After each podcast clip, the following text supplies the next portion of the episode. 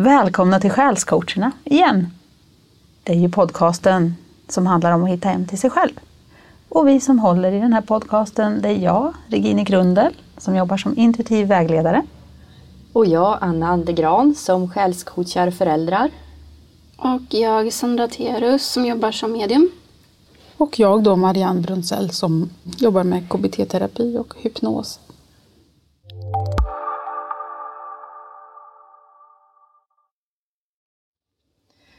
Ja, idag så ska vi prata lite om Regine Grundel och vad du håller på med och det tycker jag ju är jätteroligt för att Regine, du är ju en sån här som alltid lyfter fram alla andra mycket. Och ehm, jag tycker att det är viktigt att fler får veta vem du är och det viktiga arbete som du håller på med. Så berätta lite, vad är det du gör egentligen? Ja, en lätt fråga. Ja. Nej, den där frågan jobbar jag med hela tiden, vad jag gör egentligen. Mm. För att det utvecklas ju hela tiden. Fast jag har ju samma syfte ändå med allt jag gör. Och det är att jag vill hjälpa människor att hitta hem till sig själva. Eftersom jag har gjort en resa där jag har jobbat med att hitta hem till mig själv och inser vad enormt viktigt det är att känna att man litar på sig själv och vågar tro på sina egna svar och vågar följa sin egen väg. Det är inte alltid lätt och jag lyckas inte alltid. Men jag har ju ambitionen att göra det i alla fall. Mm. Och den resan har ju tagit mig på många olika vägar. Och eh, just nu så jobbar jag ju med eh, intuitiv vägledning med hjälp av vägledningskort och jag jobbar med tidigare livläggningar och jag jobbar med energibalansering och så jobbar jag lite med astrologi också. Det är ju jättespännande. Jo, fast det där med astrologi är ju sådär, jag känner mig som en amatör där för att jag har lekt med det länge men inte riktigt vågat gå ut och göra det på riktigt. Men nu har jag precis lagt upp det på min hemsida också. Att okej, okay, nu kan man i alla fall få hjälp att förstå energierna i sitt födelsehoroskop har jag tänkt. Mm. Så det spretar lite, jag gör lite olika saker, många olika verktyg, men samma syfte och mål. Då. Att man ska hitta hem till sig själv, lita på sina egna svar och våga i alla fall börja resan på att gå sin egen väg. Mm. Hur har du kommit in på det här? Ja, jag har alltid varit en sökare alltid längtat efter att förstå livet. När jag var tonåring så tänkte jag att livet går nog ut på att förstå vad allting handlar om. Att det är själva syftet med livet. Eh, och jag har inte hittat svaret riktigt på det än. Men eh, jag har i alla fall hittat känslan av att om jag är i mig själv, om jag försöker stänga av alla andras idéer och tankar om vad jag ska göra och vem jag är, då mår jag så mycket bättre. Så att det är väl en bra början i alla fall. Men det, på riktigt så började jag väl runt 2004 någonstans. När jag levde ett liv där jag, allting var liksom grått. Mm. Det var tråkigt. Alltså, dagarna bara rullade på. Jag bara existerade. Ekorrhjulet, ja, det berömda. Mm. Ja, precis. Jag hade liksom inget liv i livet om man säger. Utan det var bara måsten och krav och borden och mm. andras behov och sådär. Och jag var helt utlakad. Så jag hade ingen energi. Och då um, började jag ju söka, såklart. Och på utsidan då, efter mm. svar där ute. Någon annan skulle ju tala om för mig vad jag gjorde för fel. Så att jag gick till medium och jag gick till den ena och den andra. Bland annat så var det den vevan jag blev väldigt intresserad av det här med tidigare liv och sådär. Det kittlar fantasin och, och längtan efter att förstå sig själv mer också tror jag. Så då då skulle jag besöka en sån man som höll på med tidigare liv. Och jag var jätteglad. Nu äntligen så ska jag få lite svar. För jag hade läst massa böcker och sådär. Så kom jag till den här mannen och så berättade jag, frågade han lite om mitt liv. Ja, hur ser det ut för dig Regina? Och sådär. Ja. Jo, så berättade jag väl hur det såg ut. Och då sa han så här. Men snälla någon, du ska väl inte ha mer kaos i ditt liv med att hålla på med tidigare liv? Du har väl tillräckligt med det här? sa han. Och jag blev så besviken och tänkte nej, men jag ville ju så gärna. Mm. Men då, då gjorde han en meditation med mig istället. Där jag fick möta mig själv som litet barn och vara som en tröstande vuxen åt lilla Regine, alltså det var så starkt. Det var så starkt så att jag började gråta och jag grät hela vägen hem. Det kändes som någon slags rening. Och jag tror att det kanske var det första riktiga mötet med mig själv som jag haft som vuxen i alla fall. Så där hände det någonting, där började någonting. Och jag började förstå att det är ju där inne jag måste hitta mina svar och leta. Och sen som det brukar vara så föll saker på plats och det dök upp människor som jag skulle möta. Och, eh, en dag så sa en kompis här, du det kommer en engelsk kvinna till mig och ska ha konsultationer. Eh, vill du träffa henne? Och då så sa jag så här, ja, utan att fråga något. Det var bara så självklart, ja det ska jag göra. Jag frågade ingenting på hela tiden utan det bara var ett möte jag skulle ha. Och så gick jag dit och så träffade jag Pauline Turner en kvinna som jobbar med att hjälpa människor just att hitta sina egna svar, sin inre sanning. Alltså leva sant liv.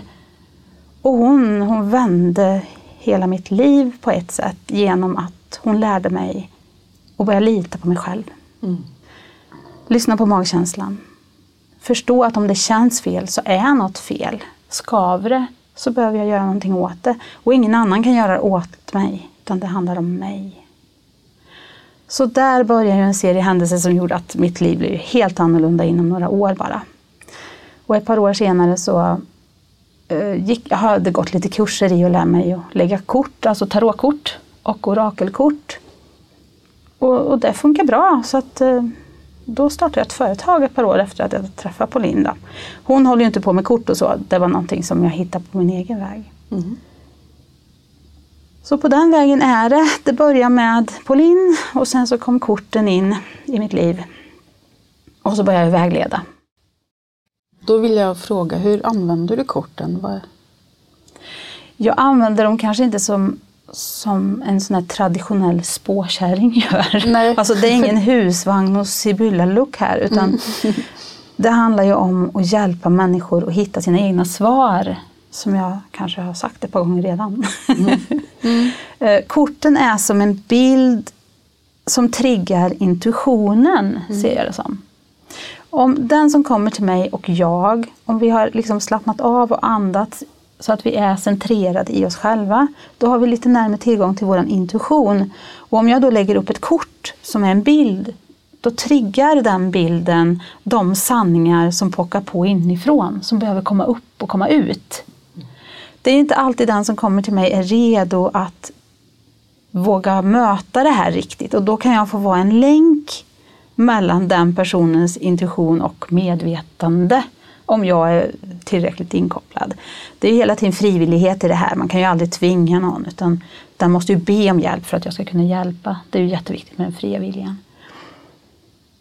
Men då kan jag hjälpa den personen kanske att sätta ord på den här sanningen som finns där inne som behöver komma upp till ytan för att man ska kunna förstå vad det är man sitter fast i.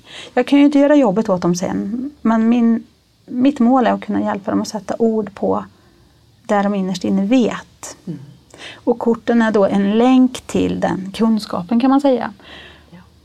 Och det är fantastiskt att det är så många gånger man bara blir så förundrad över att rätt kort kommer fram. Mm. Man drar ett kort och där ligger det så självklart vad det är man behöver ha reda på. Och det kan jag inte förklara. Nej.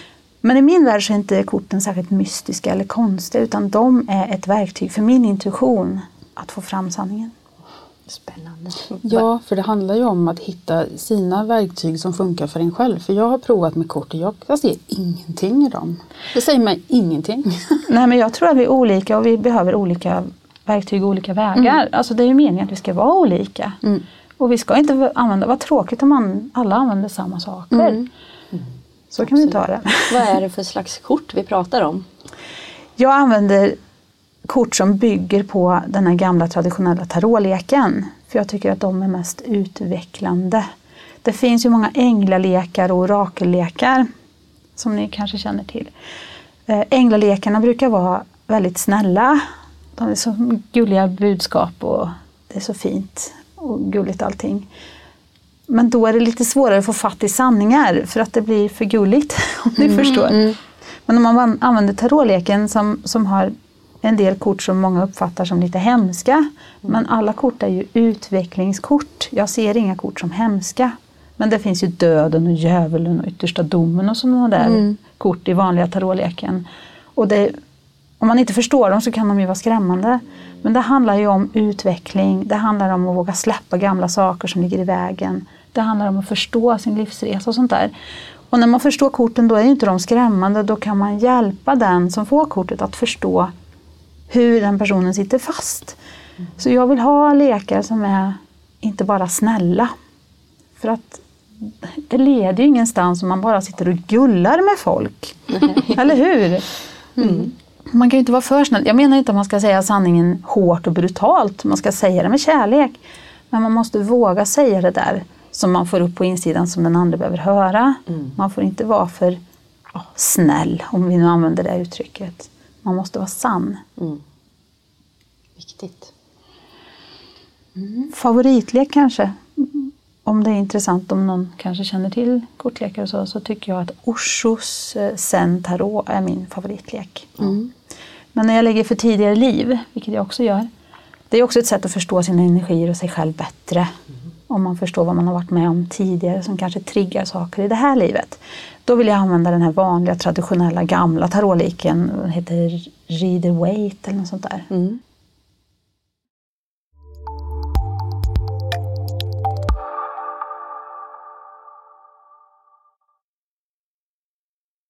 Tidigare liv, det är ju spännande också. Eller hur? Ja, hur, hur kommer man in på sånt eller hur kan man få kontakt med, hur vet man om man har tidigare liv? Massa frågor på en gång. Men, Ja, alltså jag tror att om man har en längtan efter att undersöka tidigare liv så har man ju någon slags idé om att det nog kanske finns någon sanning i att det finns tidigare liv. Och då följer man sin längtan så tror jag man hamnar där man ska vara i livet. Och jag följde min längtan med att börja läsa och var jättenyfiken på det här. Mm, som jag sa innan jag eh, gjorde om mitt liv fullständigt. Och då ju mer jag läste desto mer insåg jag att det spelar ingen roll om det stämmer eller inte med tidigare liv. För rent psykologiskt är det så att om du minns ett tidigare liv och löser ett trauma ifrån det här livet som påverkar i det här livet så kommer du att vara befriad från det traumat på ett djupare sätt än om du bara håller dig i det här livet. Kanske blir det lite snurrigt förklarat där, men om man säger att du har en obefogad rädsla till exempel i det här livet. Du kanske är rädd för att åka båt eller är rädd för stängda utrymmen eller har en oresonlig rädsla för hundar. Eller, och du kan inte hitta någon förklaring i det här livet. Det finns ingenting som, som uppenbart har hänt som kan förklara det. Då tror jag att de erfarenheterna kan komma från tidigare liv. Som in, en rädsla som inte är förlöst, ett trauma som inte är förlöst. Och om man då får en läggning eller får gå in på något sätt i det här tidigare livet och minnas det och ser vad traumat grundar sig i och vad som hände, då förstår man det på ett annat sätt. Och då kan det förlösas. Jag har läst många böcker av Brian L. Weiss, tror jag han heter. Det är en psykiatriker från USA. Som jobbar mycket med regression. Och Vad han, är skillnaden med gre- regression och just tidigare liv om man kikar på det? regression det är ju en terapiform där man går tillbaka till barndomen. Okej. och minns saker som man kanske har förträngt och sådär för att kunna förlösa trauman från barndomen. Och han gjorde den här tekniken på en kvinna. Och så plötsligt så började hon beskriva saker som inte alls stämde med hennes liv idag. Då hade hon alltså regrederat ända till tidigare liv istället. Och innan han förstod det var han väl lite förvirrad men sen lät han liksom henne hållas. Och hon hittade ju en massa trauman som hon förlöst och, och mådde liksom bättre och bättre för varje trauma hon släppte. Det var ju en kvinna som bar på väldigt mycket svåra saker och upplevelser så att det tog lång tid. Och han, eh, han skrev en bok om det sen.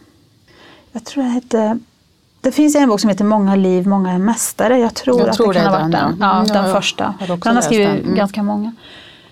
Och, och det var så fascinerande för eftersom jag är beteendevetare i grunden, som, jag är lite vetenskaplig också, jag är lite, lite skeptisk av mig. Men när han beskrev det här så insåg jag att det spelar ingen roll om jag tror på det eller inte. Om jag, har, Om du blir hjälpt av det. om jag blir hjälpt av det, precis. så att där började resan och det var där längtan efter att undersöka själv började. Mm. Sen, eh, sen var det en händelse för ett par år sedan bara där jag fick så fruktansvärt ont i min rygg. Jag fick så ont i ryggen så jag visste inte vad jag skulle ta vägen. Jag kunde inte sova, jag kunde inte stå, jag kunde inte göra någonting.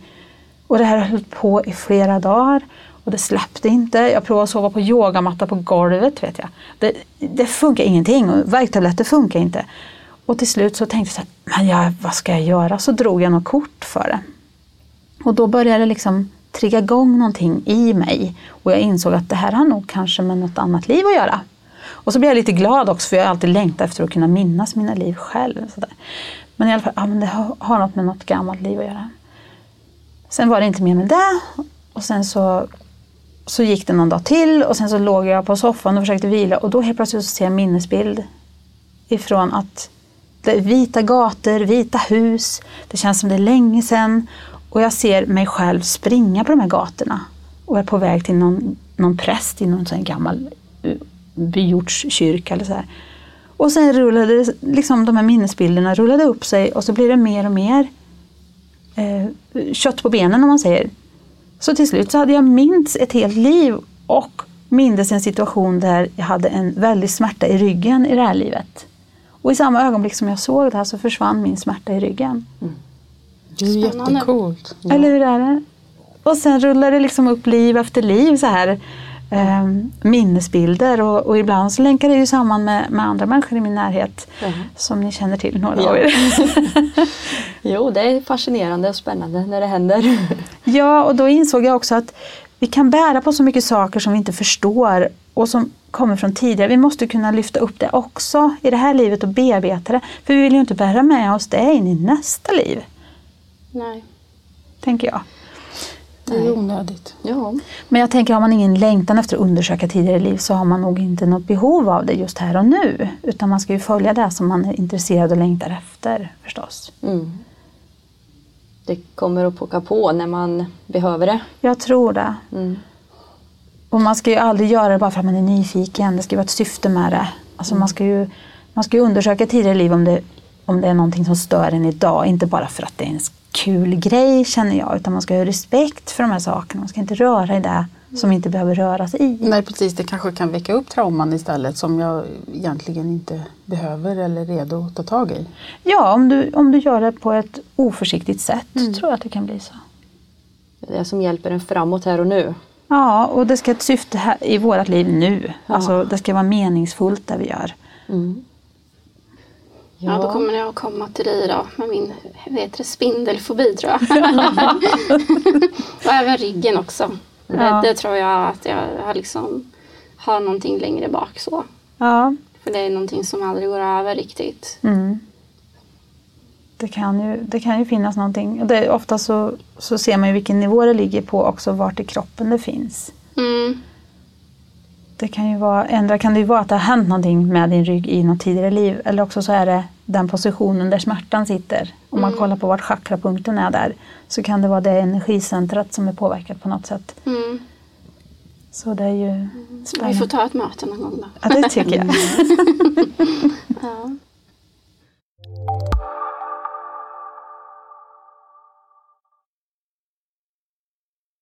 Ja, så kort och eh, tidigare liv och så sa du astrologi. Ja, Hur kan det hjälpa oss framåt på våran väg?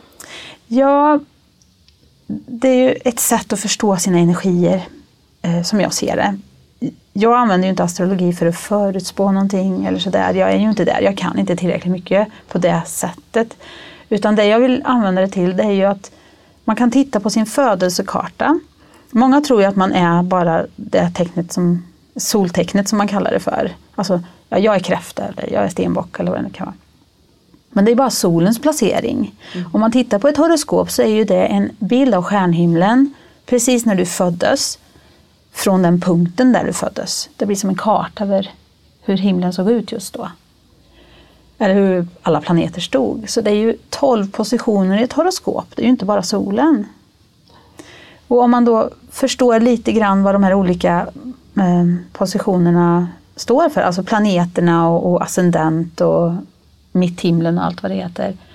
då kan man ju få ihop ett stort pussel istället för att bara ha en energi i form av stenbocken till exempel. Då har man ju kanske man kanske har solen i kräftan och månen i, i lejonet och ascendenten i vågen som jag har. Mm. Det är de tre viktigaste, solen, månen och ascendenten. Och då, om man lägger ett mönster av dem och tittar hur de ser ut så kan man förstå sig själv bättre. Allting syftar ju till att förstå sig själv bättre. Och födelsehoroskopet är egentligen bara ytterligare ett verktyg till det. Att vi förstår vilka förutsättningar du har eller utmaningar du föds med. Ja, vilka grundenergier som mm. påverkar dig. Um, och sen känner man att det här stämmer ju inte alls med mig. Ja men det är ju helt okej. Okay. Ja men då är det så då. Mm. Um, men många som, som jag upplever det, som jag har gjort det här med, de, de har fått lite nycklar och förståelse till att få mer djup i och förstå vad det är som kanske är lätt för en och vad som är svårt för en och vad man har med sig från början. Liksom.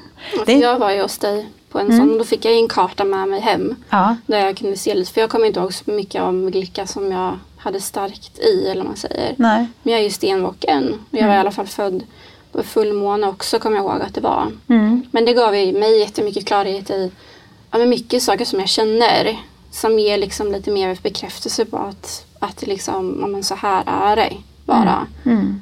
Och mycket om varför jag kämpar med just vissa saker i livet som återkommer också hela tiden som jag får kämpa med. Mm. Så det, det var verkligen så en ögonöppnare tycker jag att gå på en, en sån, sån sak. Ja, för man, man har ju ofta motstridiga krafter i sitt liv på något sätt. Och om man förstår vad de är då kan man ju använda sig av dem på nya sätt. Mm. Och sen är det ju inte så att du har ett födelsehoroskop och det är din dom för det här livet. Så är det ju inte. Utan det här är ju någon slags grundenergi och den kan man ju jobba med eller förändra eller hitta vägar att handskas med. Så det är inte så att man är typ fjättrad vid sitt födelsehoroskop. att vara sån hela Nej. sitt liv utan det här är någonting jag har att jobba med. Ja, att man, det kan vara utvecklande att förstå sig själv mm. och veta vad det är för energi som krockar kanske. Mm. Så mina energier är ju motstridiga för jag, jag är ju kräfta och tycker om att vara hemma och ta hand om familjen och vara lite i fred och sådär på ett sätt. Sen har jag ju månen i lejonet och lejonet vill ju synas och vara lite i centrum och, och, och vara med. Mm. Och då blir det så att de här krockar för mig. Jag vill både vara i centrum och så vill jag gömma mig samtidigt. Och det är ju bra att förstå det då. Mm. Då kan jag liksom skapa en situation där jag är trygg när jag måste synas. Eller att jag tar hand om mig själv och låter mig vara i fred hemma när jag behöver vila. Mm. Alltså, det är så mycket lättare, lättare att förstå. Det blir balans kanske. Liksom då. Precis. Du förklarade något liknande för mig när du la mitt eh, horoskop. Det här att, för jag är ju solen i fiskarna då. Mm. Och att jag känner mig som en väldigt känslig och ganska vek person och sådär. Men att jag sen då har kanske något annat i eh, väduren så att jag kanske inte alls visar. Jag tror att jag ger ett intryck av att vara på ett visst sätt och så kanske jag Ger en annan energi utåt? Ja, mm. och det blir jättekonstigt för mig. Liksom, vad uppfattas jag så här? Ja, precis. Mm. Det, det är mycket element och sådär, elementstänk i astrologi också. Mm. Det är eld, vatten, jord och luft. Och det styr oss ju också ganska intressant. Alltså, för du har ju mycket eld i din fisk. Mm. Eftersom du har mycket väder. Mm. Och då blir det så här, det kan ju också krocka det lite. Det krockar ja. Mm. Ja, alltså man, man kanske brusar upp och blir jätteintensiv en stund och sen så blir fisken lite rädd och tänker nej men hjälp, eller nu får jag jobba med lite och ta det lugnt mm. så, så alla mår bra. Och, så. Ja. och jag drömmer lite så slipper jag tänka på det där som hände precis. Mm. så det, det, är lite intressant, det är faktiskt roligt. Och, och det det är utvecklande att se sig själv med olika speglar. Det är väl mm. egentligen det det handlar om. Mm. Ja, det verkar vara det som är temat här genom kort och uh, tidigare liv och uh, astrologi. Man ser sig själv. Jag tror att vi måste börja där. Ja. Vi måste börja se oss själva, våga se oss själva med sanna ögon och förstå oss själva med sanna ögon eller sanna känslor eller förstå oss själva inifrån. För Varför är det viktigt? Därför att annars har vi ju ingen bas att stå på när vi ska leva sant och fullt. Då, då, då svajar det ju hela tiden mm. när vi ska vara oss själva. Om vi inte ha någon bas att stå på. Det är, ju, det är inte lätt att veta vem man är och man kanske inte måste veta det fullt ut men man måste känna vem man är. Mm. Alltså känna i sin magkänsla när man är hemma. Mm. Man behöver inte kunna sätta ord på det eller beskriva sig eller sätta sig i något fack. Men sen också fullt ut acceptera den man faktiskt är. Ja, Det är inte så enkelt. nej det är lätt att döma sig själv. Mm. Och då, vi pratade i ditt avsnitt Marianne om Mm. den här inre dialogen. Mm. Att man kan ha väldigt mycket omdömen om sig själv i sina tankar. Och frågan är, bygger de upp dig eller sänker de dig? Mm. Och vad kan du göra åt det om det är så att du sänker dig hela tiden? Mm. Det är så vanligt att vi gör det. Men en kortläggning kan lägga sånt liksom lägga fram sånt i ljuset också. För man kanske går och har en inre dialog eller känslor av mindervärdeskänslor eller skuld och skam som man inte är riktigt medveten om. Men så kommer de upp i en kortläggning och då är det så här, aha, är det därför jag går och mår så här eller känner så här? Så får man en helt annan utgångspunkt att faktiskt förändra om man nu vill det. Det är alltid fritt det är. Det är det så. Men skuld och skam är ju aldrig ett bra sätt att må bättre eller så. Jag, jag har försökt fundera på om det finns något syfte med skuld och skam. Och, och jag kan inte se att Inget någon positivt mening. syfte, nej. Utan Nej, det, nej. det är andra som vill ha makt över en kan belägga dig med skuld och skam. Mm. För att du ska krympa och så jag kan. Och jag själv kan också göra det i vissa lägen. Mm. Att jag inte är tillräckligt bra eller att jag inte når målen som jag tänkt mig. Eller att jag inte är tillräckligt snygg eller tillräckligt smal. Eller Mm. att jag inte städar tillräckligt ofta. Eller alla de här Ja, ja visst absolut. Kraven. Allt det här vi aldrig lever upp till. Mm. Så frågan är ju vilken miljö vill jag ha på insidan helt enkelt. Och är jag beredd att arbeta för att förändra den? Ja.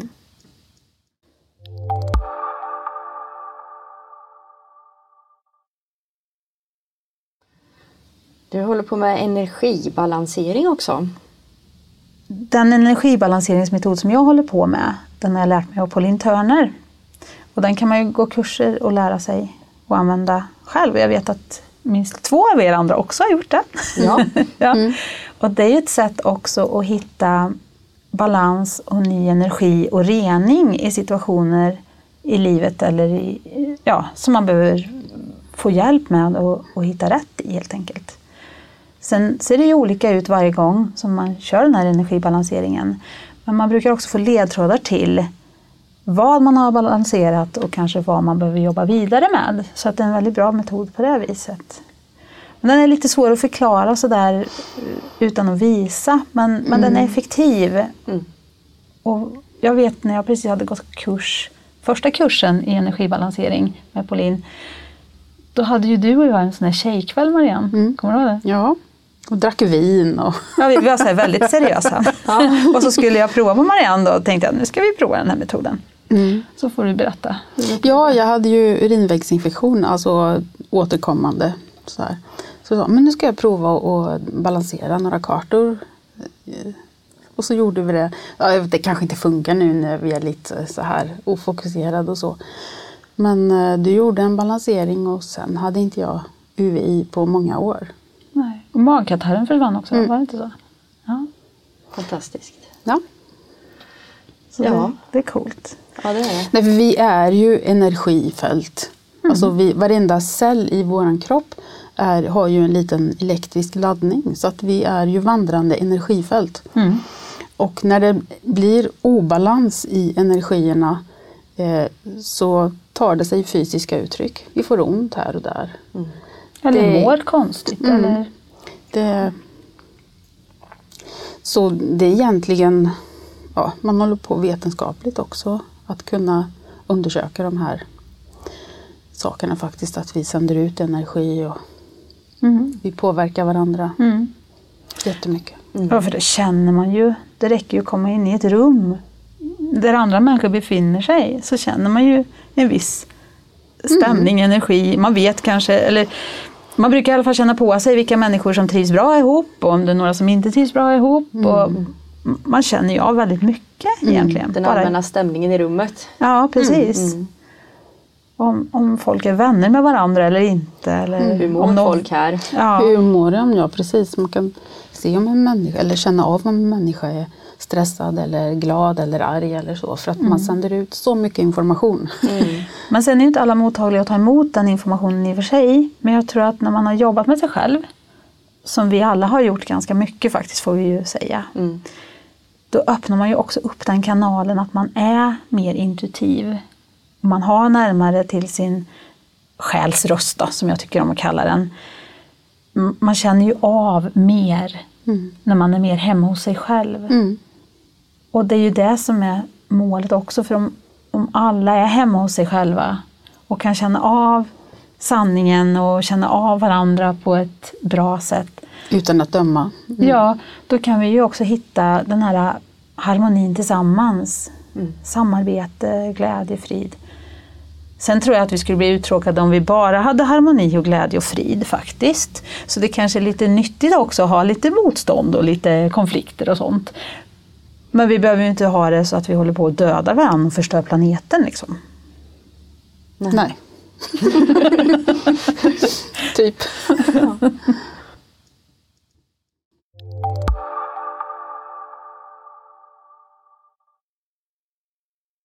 Ja, det är mycket spännande du håller på med. Du har ju också gjort böcker faktiskt. Jo, jag har gjort två romaner. En bakbok och en kåseribok med, tillsammans med min pappa. Men det är väl romanerna som jag känner mest för eftersom de handlar mycket om min egen resa just att hitta hem till mig själv.